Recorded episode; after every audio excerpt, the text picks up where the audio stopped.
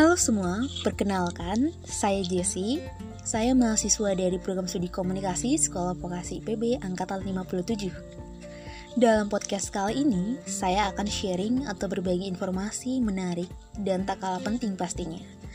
Nah, dalam podcast kali ini, saya tidak akan sendiri nih teman-teman. Di sini saya akan ditemani oleh seorang wanita cantik, yaitu salah satu duta wisata favorit Kabupaten tahun 2019. Tak perlu berlama-lama, langsung saja kita panggil inilah dia Kak Citra Tasya Wirani. Halo Kak Citra. Halo. Sudah lama Kak tidak bertemu, apa kabarnya nih Kak? Dilihat-lihat makin cantik.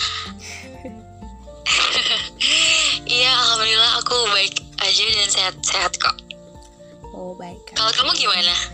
Uh, puji Tuhan Jesse sehat juga Kak, terima kasih. Uh, Jesse mau nanya nih Kak, di masa sekarang ini, pandemi ini, kesibukan apa sih atau hal apa saja yang sering kakak lakuin untuk mengisi jadwal kosong kakak? Um, untuk mengisi jadwal kosong aku di saat pandemi ini sih aku lebih apa ya mengikuti kegiatan gitu kan. Dan juga kalau misalnya ada kegiatan dari duta ataupun ada tugas dari duta itu aku uh, itu aku ambil tugasnya gitu. Jadi uh, setiap ada yang kosong pastinya aku selalu melakukan kegiatan gitu. Jadi nggak nggak terlalu gabut gitu sih jadi orang gitu. Oh oke okay, kak. Selanjutnya nih kak. Boleh dong kakak share sedikit pengalaman kakak sebagai duta di favorit di Kabupaten Deli Serdang ini? Apa aja sih kak yang kakak lakukan? Pengalaman apa aja yang kakak dapatkan setelah bergabung dalam sebagai duta tersebut? Silakan kak um, untuk pengalaman aku sih di dalam menjadi duta ini aku sangat banyak ya tentunya dan alhamdulillah sekali karena dengan bergabungnya aku pada duta ini um, aku menjadi mendapatkan apa ya keluarga yang baru terus juga wawasan yang baru bertemu dengan orang-orang yang banyak juga banyak kegiatannya juga dan juga lebih mengenal lagi bagaimana sih yang ada di daerah kita kebudayaannya ataupun ciri khas dari makanannya ataupun yang lainnya gitu. Oh, Oke okay, kak, ternyata waktu kakak masih tetap padat juga ya kak. Iya. Oke okay, baik kak Cip. Di sini Jessie akan bertanya nih kak seputar dunia pariwisata yang mungkin kakak sudah lebih mengetahui secara luas apa itu dunia pariwisata dan terutama di negara kita ini. Nah di sini Jessie, okay. di sini Jessie akan membawakan tema dunia pariwisata dengan judul mm -hmm. peningkatan kapasitas pelaku wisata untuk promosi. Oke. Okay. Oke, Jessie tanya ya kak untuk pertanyaan pertama nih. Apakah melakukan promosi destinasi pariwisata dengan dikemas secara virtual lebih efisien dan lebih efektif dibandingkan dengan metode luring baik dari segi biaya maupun kapasitas? Silahkan kak.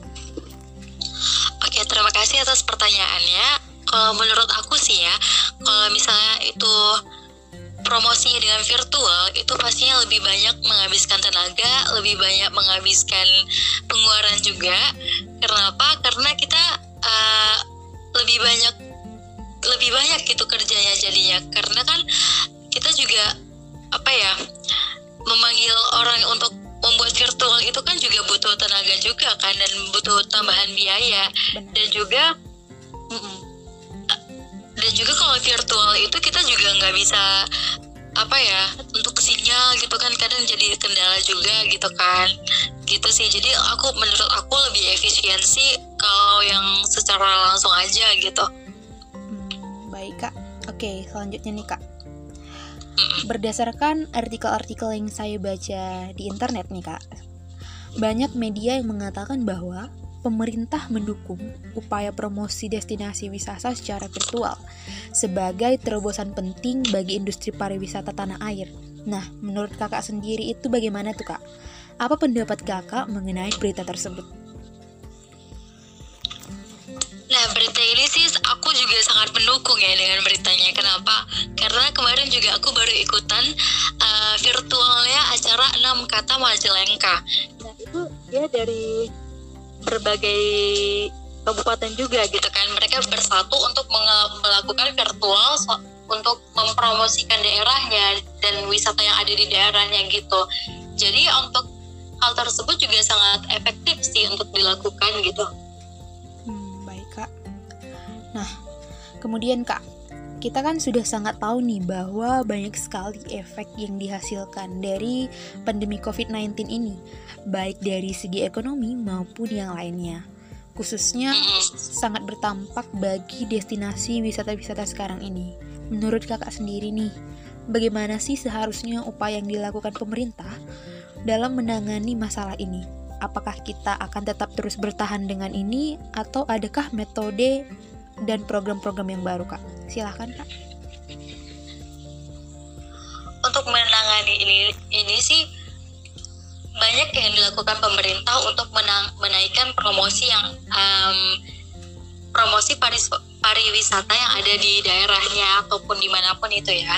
Dan juga pastinya setiap wisata atau destinasi suatu wisata tersebut memiliki cara tersendiri untuk mempromosikan daerahnya gitu dan dan tempat wisatanya gitu kan. Dan ada pun caranya itu kayak bisa aja kita seperti membuat konten kreatif uh, juga bergabung dengan travel-travel yang lain untuk apa ya untuk saling bekerja sama gitu kan. Dan juga kayak kita membuat strategi pemasarannya itu yang baik gitu loh. Jadi dengan strategi yang baik itu kita dapat meningkatkan uh, apa ya meningkatkan daya promosi dari suatu wisata tersebut gitu. Dan juga kemudian tadi apa pertanyaannya ya? Kemudian tadi uh, apakah kita akan tetap terus bertahan dengan ini gitu kak? um, saat ini sih kita kan nggak mungkin selalu untuk tetap bertahan kan di saat pandemi ini gitu kan. Pastinya kita harus ada terobosan cara yang baru untuk lebih meningkat lagi lebih baik lagi. Kita kita juga nggak nggak bisa untuk selalu berada di keadaan yang stuck di sini aja gitu kan. Dan juga yeah. gitu. Gitu sih menurut aku.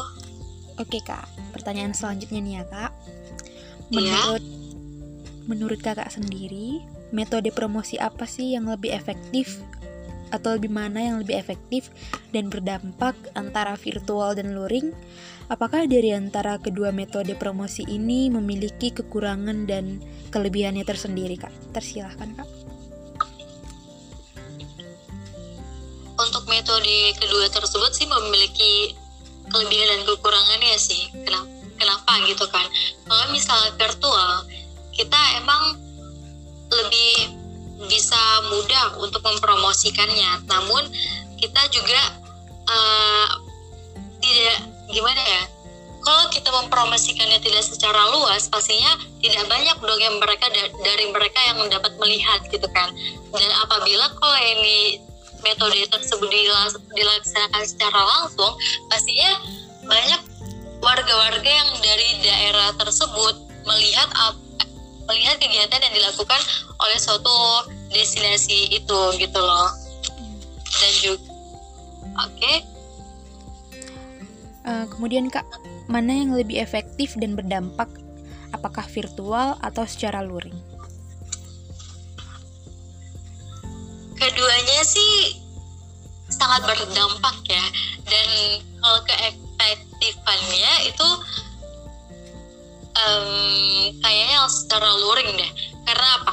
Karena kalau misalnya virtual itu kita juga nggak susah gitu untuk menggabungkan antara yang kegiatan yang satu dengan yang lainnya. Kita harus mempunyai banyak kolaborasi dari orang lain gitu dan juga gitu. Gitu sih menurut aku. Oke kak. Uh, pertanyaan selanjutnya nih ya kak. Oke. Seperti yang kita lihat seiring perkembangan zaman di negara kita ini, terus berkembang secara pesat, terutama dalam teknologi yang semakin canggih. Tentunya promosi secara virtual diyakini bakal terus dimanfaatkan pada situasi sekarang ini. Nah, kebalikannya nih Kak, apakah metode virtual ini akan tetap dimanfaatkan jika mungkin ke depannya nanti pandemi COVID-19 ini akan berakhir? Oke, terima kasih atas pertanyaannya. Menurut aku sih, kalaupun virtual ini tetap dilakukan di saat pandemi ini berakhir, itu sangat baik. Kenapa? Karena dengan virtual, kita juga bisa menyebarluaskan, misalnya kita menyebarluaskannya itu di YouTube gitu kan. Pastinya banyak dari orang-orang lain, ataupun dari negara lain, ataupun dari provinsi lain kita yang dapat melihatnya gitu. Dan apabila kalaupun tidak dilakukan, pastinya suatu destinasi, suatu pariwisata tersebut harus melakukan promosi yang sangat besar-besaran untuk meningkatkan pariwisata tersebut gitu. Baik kak. Oke nih kak selanjutnya. Menurut kakak sendiri, bagaimana sih caranya untuk meningkatkan kapasitas pelaku wisata, terutama di desa wisata sendiri, baik itu terpencil maupun tidak? Untuk meningkatkannya sih mungkin dengan memetakan ataupun merencanakan kolaborasi kayak antar lembaga dan perusahaan gitu. Jadi semakin banyaknya kita kolaborasi itu semakin banyaknya um, pegangan sendiri untuk kita dapat mempromosikannya dan menyebarluaskannya info dari suatu destinasi tersebut gitu kan. Dan juga kan kalau misalnya kita dapat berkolaborasi dengan yang lain kita dapat menyebarluaskan informasi gitu jadi kayak lebih mudah untuk dikenal oleh orang lain dan juga misalnya untuk dapat mengembangkannya kita dapat uh, membuat suatu keunikan dan branding atau identitas suatu destinasi yang dapat diingat oleh orang lain gitu loh. Misalnya kayak suatu daerah tuh memiliki ciri khas yang khusus gitu. Jadi kalaupun uh, dari daerah lain yang datang ke daerah tersebut mereka dapat mengingat apa yang yang ada di di destinasi tersebut gitu. Jadi destinasi itu akan berkembang nantinya dan dikenal oleh orang lain gitu. Oke kak baik. Uh, pertanyaan selanjutnya nih kak.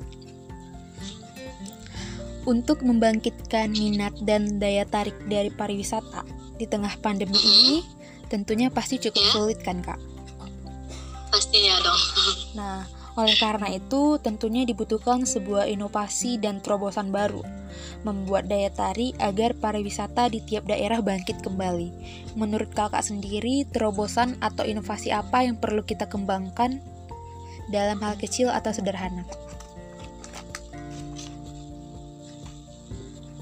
Yang harus dikembangkan itu kalau dalam hal kecil ya, dalam hal kecil itu seperti kita dapat menyebarluaskan kayak di sosial media tentang yang positif-positifnya tapi ya. Karena kan kita juga mempromosikan gitu jadi kita harus membuat mereka tertarik gitu agar suatu wilayah tersebut itu terkenal gitu kan.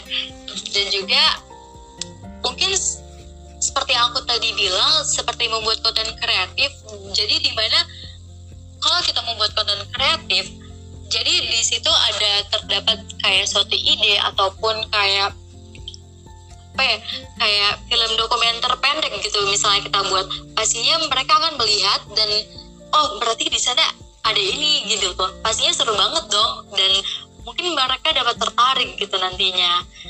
Gitu. Oke kak. Selanjutnya yang terakhir nih kak. Uh, di tengah kesibukan kakak ini tentunya pasti ada dong kak uh, rancangan pemerintah terkait tentang perkembangan destinasi wisata kita ini terutama di daerah kita ini. Apa aja sih kak uh, rancangan pemerintah dalam menanggulangi pandemi-pandemi sekarang ini? Pastinya banyak kayak rancangan pemerintah dalam menangani pandemi ini karena juga pastinya sebelumnya tuh karena pandemi ini tuh banyak yang tutup gitu kan dari wisata, makanan ataupun yang pengusaha-pengusaha itu banyak yang uh, down gitu di saat pandemi ini. Nah untuk membangunnya itu tadi kita sendiri uh, apa namanya suatu pemerintah tersebut harus mempunyai terobosan baru seperti untuk mengembangkan mengembangkan suatu wilayahnya gitu. Jadi kayak mereka tetap memberikan kemudahan kepada masyarakatnya gitu dengan dengan dengan dengan memberikan mungkin kayak kekeringanan yang kayak kita di PSBB gitu kan tetapi kita juga tetap men menerapkan sistem 3M, yaitu mencuci tangan, menjaga jarak, dan menjauhi kerumunan. Jadi, walaupun kita berwisata ke mana pun, itu tetap uh, aman gitu. Jadi segala halnya itu tetap bisa kita lakukan, tapi tetap menerapkan sistem 3M tersebut gitu. Baik kak, terima kasih atas jawaban-jawaban kakak. Oke. Okay. Oke okay, teman-teman, ternyata dampak dari pandemi sekarang ini sangat mempengaruhi laju pertumbuhan ekonomi di Indonesia ya. Tidak hanya itu. Iya benar banget. Benar kak, tidak hanya itu. Ternyata promosi secara luring juga lebih efisien dan efektif dilakukan dalam masa sekarang ini. Walaupun secara uh, uh, online tentu lebih efektif juga kan kak? Iya benar sekali. Oke, jadi dia bisa dikatakan 50-50 lah ya kak. Iya, jadi tergantung dari sisi mana yang kita lihat sih dan kegunaannya gitu. Baik kak. Uh, baik teman-teman, cukup sekian yang bisa saya dan Kak Citra sampaikan dalam podcast kali ini. Semoga bermanfaat bagi kalian semua yang telah mendengarnya. Jangan lupa untuk terus mendengarkan episode-episode selanjutnya dan bagi kalian yang ingin mengirimkan saran atau kritik, kalian bisa menghubungi aku melalui DM Instagram aku di @jceeeg. Akhir kata, saya dan Kak Citra mohon pamit. Sampai berjumpa di episode podcast selanjutnya. Terima kasih. Terima kasih. Sampai jumpa.